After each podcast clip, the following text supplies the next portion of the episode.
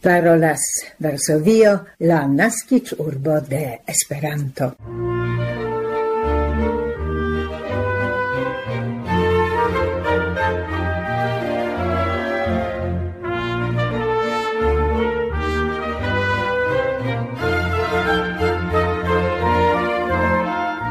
Bonvenon, carei auscultantoi, en la 1200 sesa Esperanto el sendo el Varsovio, audiranta premiere la quinan de novembro 2022.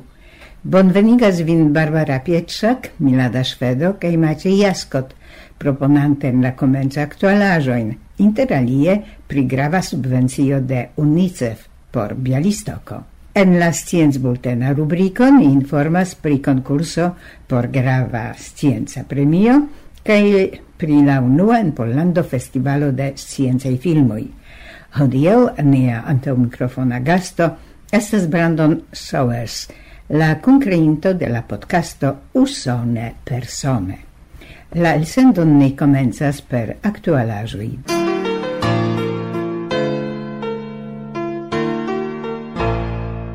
En Bialistoko komenciĝis realigado de proiectoi, por kiuj la urbo ricevis de UNICEF dudek kvin milionojn da zlotoi.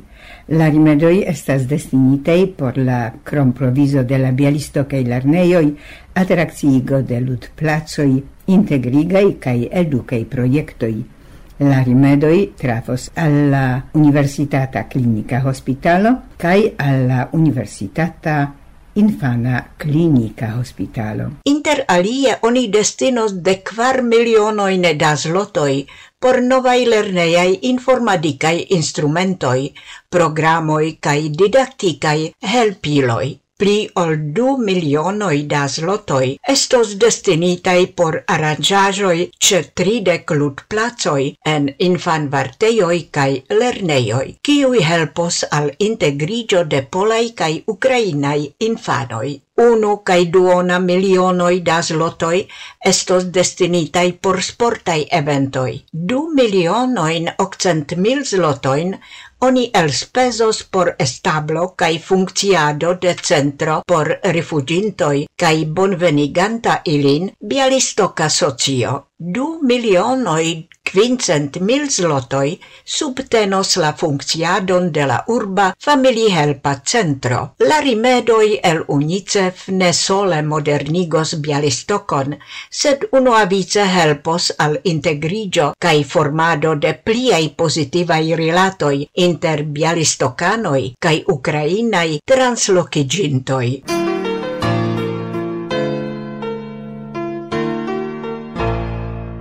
En Toruń, la norda Pollando, estis inaugurita en oktobro la geoterma heitejo. La eventon accompagnis la conferenco Energetica Secureco de Pollando. La laboroi pri gia establo commentigis en 2008.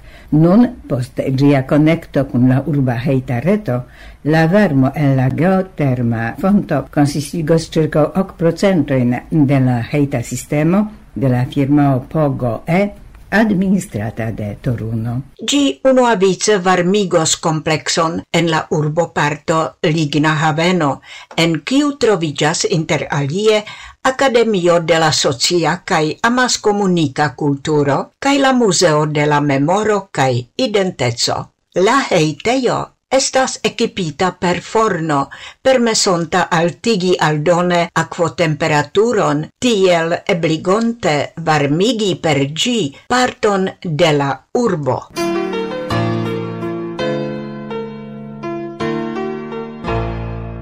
Prescau ogdec procentoi de poloi contravas la changion de la somera alla vintra tempo. Tio resultas el la opinisondado de IBRIS, Instituto por la Mercatei cae Sociei Esplorui. Pli ol kvardek sep procentoj de la encatitoi estas decidei contrauloi de la horŝanĝo, preskaŭ tridek procentoj subtenas tiun negativan ideon. Contra la forigo de la tempoŝanĝo estis plenei de 4% de la examenitoi, naŭ procentoj ne havis firman opinion ci rilate. Tamen san expertoi ne casas che malgrau tio che en Pollando exemple ni dormas unu horon pli longe, la horshangio ne estas indiferenta por la homa bonfarto. Giai sequoi causas santedajoin similain al tiui, kiuin homoi sentas changiante dum flugo la tempozonoin. La jar sezona horshangio sen reguligas la biologian horlogion,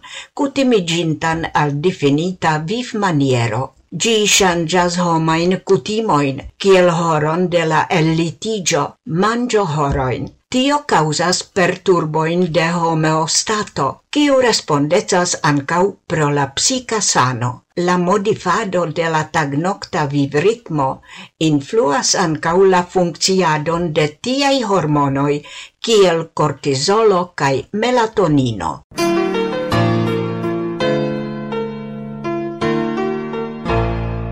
parolas Pola Retradio en Esperanto.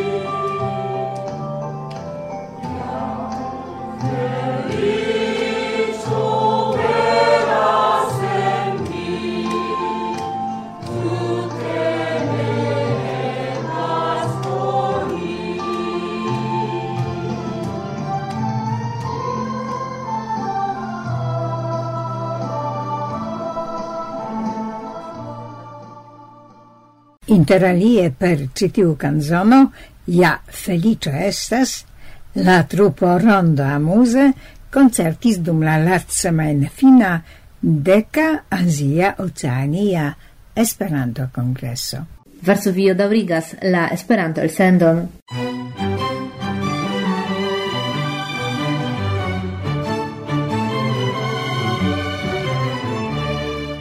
Gis la fino de septembro ni attendis annoncoin por la dua eldono de la Europa Premio de Stanisław Lem, Lem Prize. La premio estis establita de la Vroclava Politecnico en 2021 por omagi la centan naskiĝdat revenon de la elstara pola scienzficcia roman verkisto, al kiu la Politecnico atribuis honoran doktorecon en 1981. La Europa Premio de Stanisław Lem estas adresita al iunai sciencistoi, gis kvardekjaraĝaj, studantai au gvidantai esploroin en la Europa Unio kai en la landoi partoprenantai la programon Horizonto Europo. Gi estas aliugita ciujare pro actuala malcovro au signifa atingajo sur vaste comprenitai campoi de scienzo cae ingenierio cun fortai elementoi de tecnologia interfaca creiva visio. La unua premito farigis professoro Randall Io Platt, faculo pri genetica ingenierio el la Federazia Politecnico de Zurico,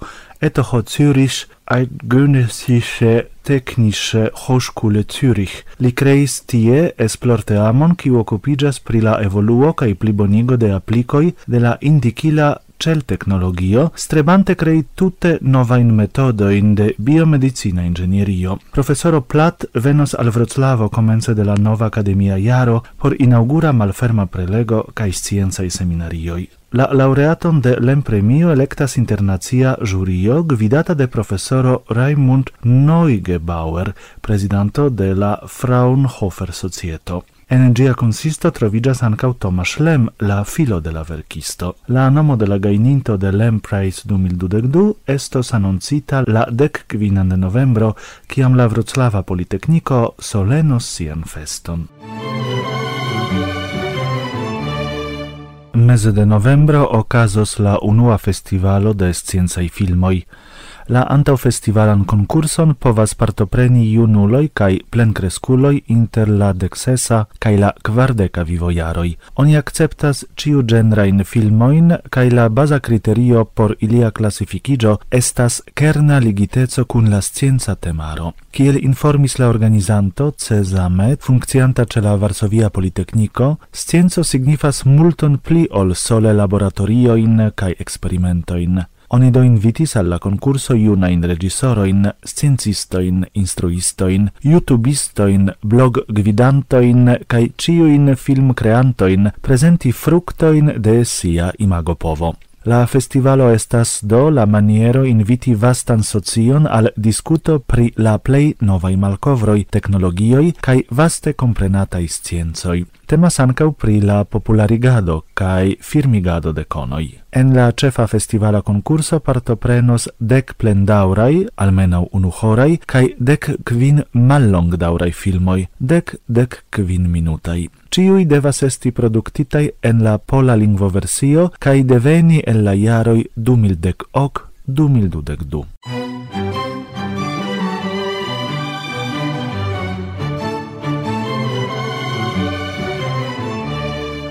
Varsovio daurigas la Esperanto-elsendon.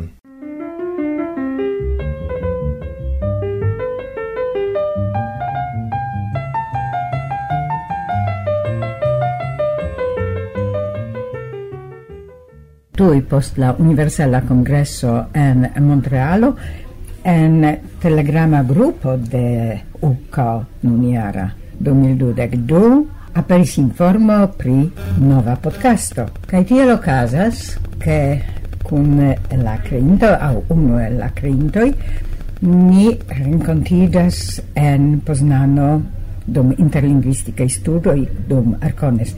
Do, bonvenon ante unian microfonon, Brandon Sowers, Kai mi shatus exi kiam kreidis tiu ci ideo kai fakte kiun medion gi celas. yes do dankon. La ideo pri podcasto ricevis iom da spirito dum la UKO en Montrealo, char estis tre viglai diskutoj inter usona esperantisto char ene de tiu UKO, kadre de tiu UKO ni havis nian propran landan kongreson kai venis multai usona esperantisto inkluzive multai kiu neniam antaŭe partoprenis eĉ landan kongreson, ĉar temas pri la tionomata pandemia generacio. Estis multai kiu eble partoprenis unu aŭ du landan kongresojn kaj multai kiu neniam partoprenis universalan kongreson. Do estis multe da energio, multe da entuziasmo kaj ni starigis laborsesiojn pri kiel antaŭenigi la usonan movadon, ĉu ne kaj kion ni volas vidi en usona movado kai uno la, la cefaj temoj estis, ke ni volis vidi eh, diversajn projektojn rilate al kultura agado. Tio povas esti aldonado de libroj, povas esti aferoj pri videoludoj, kaj ankaŭ podcastoj estis eh, grava temo. Do ni iom eniris tiun tamon, ni diskutis en tiuj laborsesioj, kaj evidentiĝis, ke estis du ideoj por podcastoj aŭ por stilo de podcasto kiun ni povus fari. Unu estus pli instrua podcasto kiel oni povus ofte trovi ĉe naciaj lingvoj, ĉu ne? do eh, jen kiel vi povas atingi A1 nivelo aŭ podcasto taŭga por homo kiu volas atingi A1 nivelo, ĉu ne? kai tio estus eh, pli strukturita podcasto kun eh, detalaj. Kaj la alia ideo esti simple podcasto, kio estus conversatio inter amicoi, kai ne besonus mote da montado post la registrado, povs esti alŝutita tui post la registrado, kai anca ne besonus mote da anto preparado, do simple estus che ni povus trovi amicojn kiu iam havus interesajn konversaciojn, sed ne registras tiujn, kai eble ili povus simple registri tiujn konversaciojn, ĉu ne? Do, tio estis la dua ideo pri tipo de podcasto kiu povus estigi. Do, tui post tio mi kai Hansel Becklen, kiui estis ambo in tiu laborgrupo, comencis paroli, kai ni diris, Hmm, diable, kiel ni ne povas simple komenci fari tion, ĉu ne? Do ni kaj Rafa Nogeros, kiu estas la tria persono en la podcasto, komencis babili pri tiu temo kaj ni decidis, hmm, nu, estas sufiĉe realigebla, ni povas simple komenci kaj vidi kiajn rezultojn ni havos, kiajn ekojn ni havos. Do, ni komencis kaj ni, ni faris. Do, tio signifas, ke kvankam ni ĉiuj tri estis kune dum la uko, ni ne registris tiam. Ni nur registris la unuan epizodon post la uko, sufiĉe tuj post la uko, sed ni ĉiuj estis en diversaj lokoj tiam. Do, Ĝis nun ni registris tri epizodojn, ĉiuj estis faritaj distance unu de la aliaj. Sur unu el la epizodo ni bonvenigis gaston, tio estis eh, Stella Peŝinja-Merger, kaj estis uh, sufiĉe laŭ mi kontentiga rezulto ĝis nun en tiuj epizodoj. Do, kontentiga rezulto laŭ la vidpunkto de aŭtoro. Yes. Ĉu venis jam iu eho? Yes, kai tio esas parto de la contentiga resulto. Esis interesse vidi, char ni nestis kion signifus successo comence, ce ne do mi nestis lau kiui desiroi ni mesuru nin.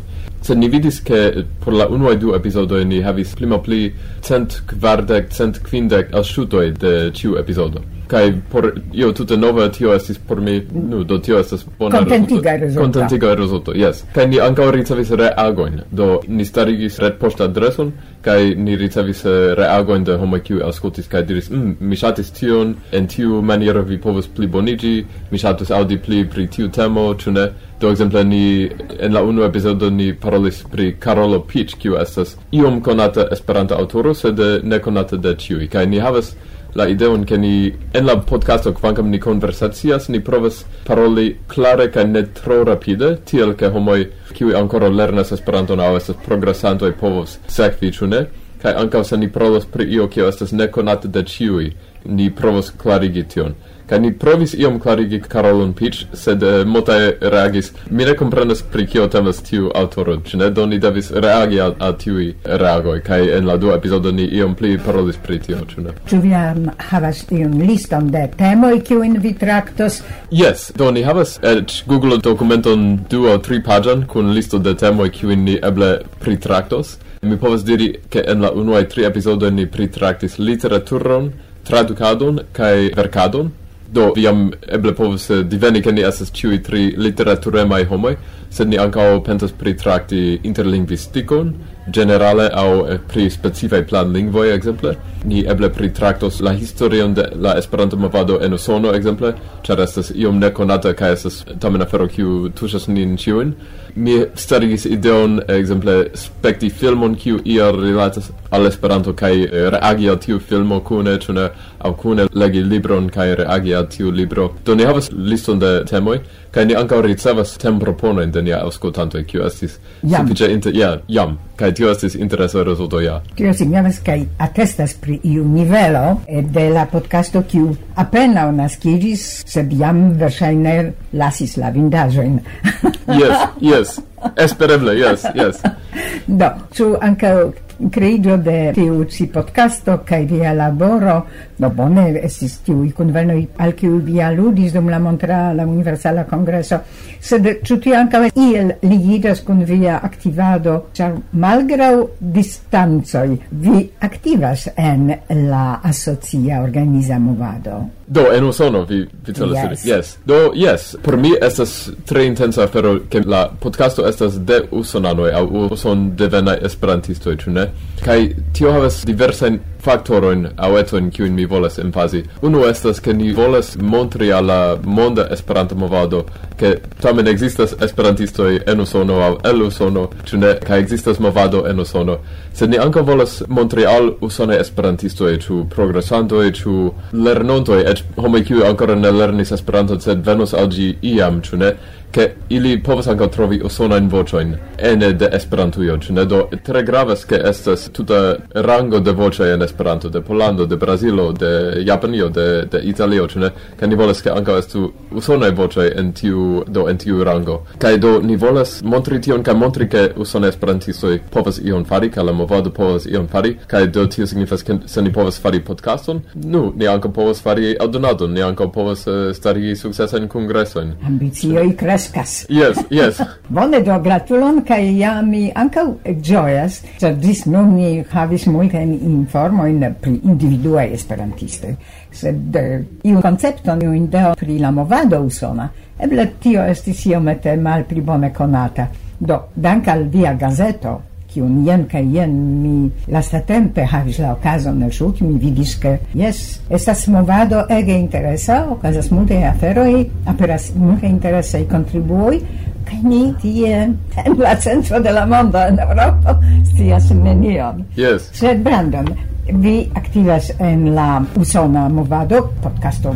Estas grava afero, sed ne ligita kun la movado kiom kun la komunumo sed vi ankaŭ aktivas ankaŭ en alia nacia movado esperantista. Do, efektive mi loĝas en Portugalio. Yes, do kvankam mi estas usona esperantisto, mi loĝas en Portugalio kaj mi loĝas eh, specife en Porto, kiu estas la dua plej granda urbo, ĝi estas en la nordo de Portugalio kaj tie ni havas aktivan grupon ni adonas gazeton, gazeteton nomita Musflugilo, kies nomon ni prenis de la cafeo kie ni convenas, do la cafeo Portugal nomen esas Asa da Mosca, kio signifas la flugilo de la mosho. Do ni nomis nian gazeteton Musflugilo, ni gis nun adonis, e, tri numeroin de gi, do exemple la, la cafeo esas ciam tre fiere meti la, la paperon sur la muro, ecne, ni metas en diversai locoi. esas amuse. La cefa grupo esas eble quin personoi, sed esas multae personoi kiui lernis iom da Esperanto kaj partoprenas jen kaj jen en aferoj. Hasingjare por nia Zamenhof festo ni havis sufiĉe buntan programon kun diversaj kulturaj ecoj, kiuj logis eĉ ne esperantistoj kaj mi kredas ke estis pli malpli tridek personoj kiuj partoprenis nian Zamenhof feston. Ni ankaŭ ekzemple aranĝis prezenton de nova libro de tradukoj de poemoj de Miguel Fernandez en la portugalan ĉe la libreo kie ni ankaŭ instruas Esperanton kaj okazigis la Zamenhof feston kaj faras aliajn programerojn kaj en tiu evento por la, la lanĉo de la libro estis eh, pli malpli dudek aŭ tridek persone. Do sufiĉe aktiva medio ĉirkaŭ la grupo, jes. Kiel vi faras en Portugalio? Tio estas bona demando, do kaj estas nefacila respondebla demando. Mi lastatempe diras ke mi vivas en Portugalio, ĉu ne? En la senso de ciu eh, maniero povi interpreti tion. Do, mi laboras daure virtuale en Usono, por Usona firmao. Do, mi laboras per mia computilo, eh, la horo estas iom stranga sed ne tiom. Mi laboras pli malpli inter la dekunua kaj la oka. Vespere kio signifas ke mi daŭre povas fari interesajn aferojn nokte do mi mi dancas. Mi faras swing dancon kaj blues dancon. Mi faras uh, brazilan nukto arton kio estas capoeiro kaj estas sufiĉe vigla capoeiro vivo en Portugalio. Mi lastatempe rekomencis surfumi kio estas ankaŭ farebla en Portugalio do mi kiel mi menciis mi, mi vivas en Portugalio ĉu ne? Mi mi havas uh, sufiĉe riĉan uh, vivon tie kiun mi tre ŝatas. Do koran dankon pro tiu divido kun ni de kelka informo ĝuste pri tio. Kia maniere vi realigas vian vivon en tiu ĉi no, iom fora lando de, de Usono? Sed ni rencontiras ancao dum interlinguisticae studoi, cae ancao dum arcomes. Eble quelcaen vortoin mi shatus exide vi pritiu interlinguisticae studoi. Ciu cela vi venis por Vi ne estas studento. Mi ne estas studento. Do, efektive mi estis studento iam, ke mi kompletigis unu jaron, sed pro diversaj viv cirkonstancoj mi ne povis sekvi tiam. Do, mi tamen konstatis ke mi estas en Eŭropo, kaj mi neniam partoprenis Arkones antaŭe, ĉar tiun unuan jaron ke mi faris mi havis alian kompromison kaj ne povis partopreni ar Arkones, kvankam nun mi mi volas ke mi estus uh, farinta alian decidon tiam. Do, mi mi pensis, mm, eble mi povus partopreni Arkones, ĉar inter aliaj aferoj. Do mi ciam audis interesan aferon pri Arcones kaj mi ankaŭ volas ke ni komencu fari ion similan eh, flanke de NASC en Nordameriko. Tio estas la Nordamerika somera kursado. Ca mi havas ideon ca ni povus fare culturan semainfinon flanke de NASC, ĉu ne? Ca mi scias ca Arcones kaj in, la interlinguisticae studoi havas tiun relaton. do mi volis veni por vidi kiel estas Arcones, kio estas la relato inter tiui du ocasajoi. Kaj tia mi pens do, se mi venas al Arcones, eble mi povas profiti por ancau iom partopreni la cursaron, eĉ ne kiel oficiala studento. Do mi almeno povis partopreni du tagoin kun prelego pri interlingvistiko kai Esperanta literaturo, kiui estas temoj kiuj tre interesas min do mi tre ĝuis eh, kaj feliĉas ke mi povis profiti tiujn tagojn mi estas ĉe la fino de Arcones. jes Kai do ni shatus eh, demandi vin char tiu ĉi rencontigio dum il dudek du okazas post paŭzo estas iom spontane organizita mm -hmm. kiajn impresojn vi havas pri gi Estas bona demando. Unue mi devas diri che mia impreso estas che estas sufiĉe granda gruppo kiu venis ĉi tien, eh, kaj mi nestias kiel tio comparas kun eh, uh, antaue arconesoi. Ĉu pli granda au ne, mi nestias, sed uh, mi calculis en la plei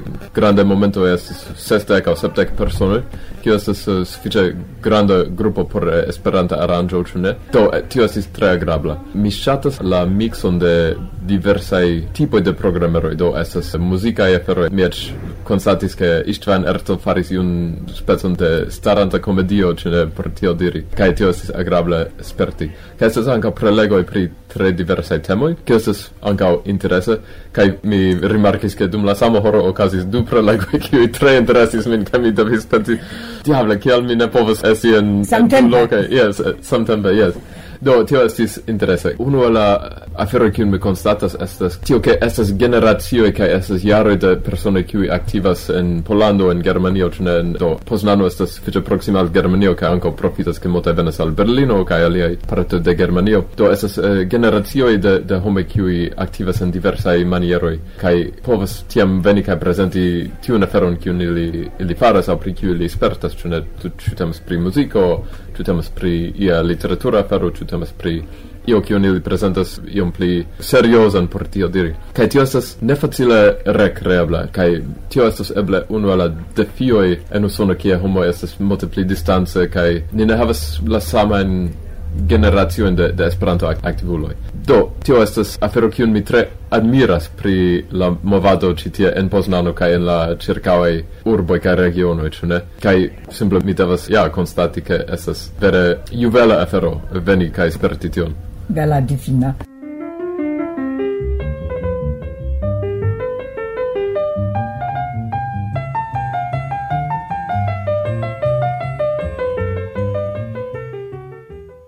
La gasto de nia anta microfona rencontigio estis codiau Brandon Sowers. Nia interparolo dum la lasta arcones estis iom amplexa, tial gian duan parton ni presentos en alia el sendo. Ni nur aldonu che en octobro aperis la lauvica eldono de la podcasto Usone Persone. Senza se attendante che signore Viel raga in commento in kai de nia laboro ni amadiavas vin gis la baldava raudo.